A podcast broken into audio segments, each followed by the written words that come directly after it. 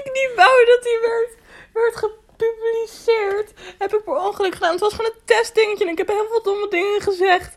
En nu staat hij op Spotify, op Apple Music. En help!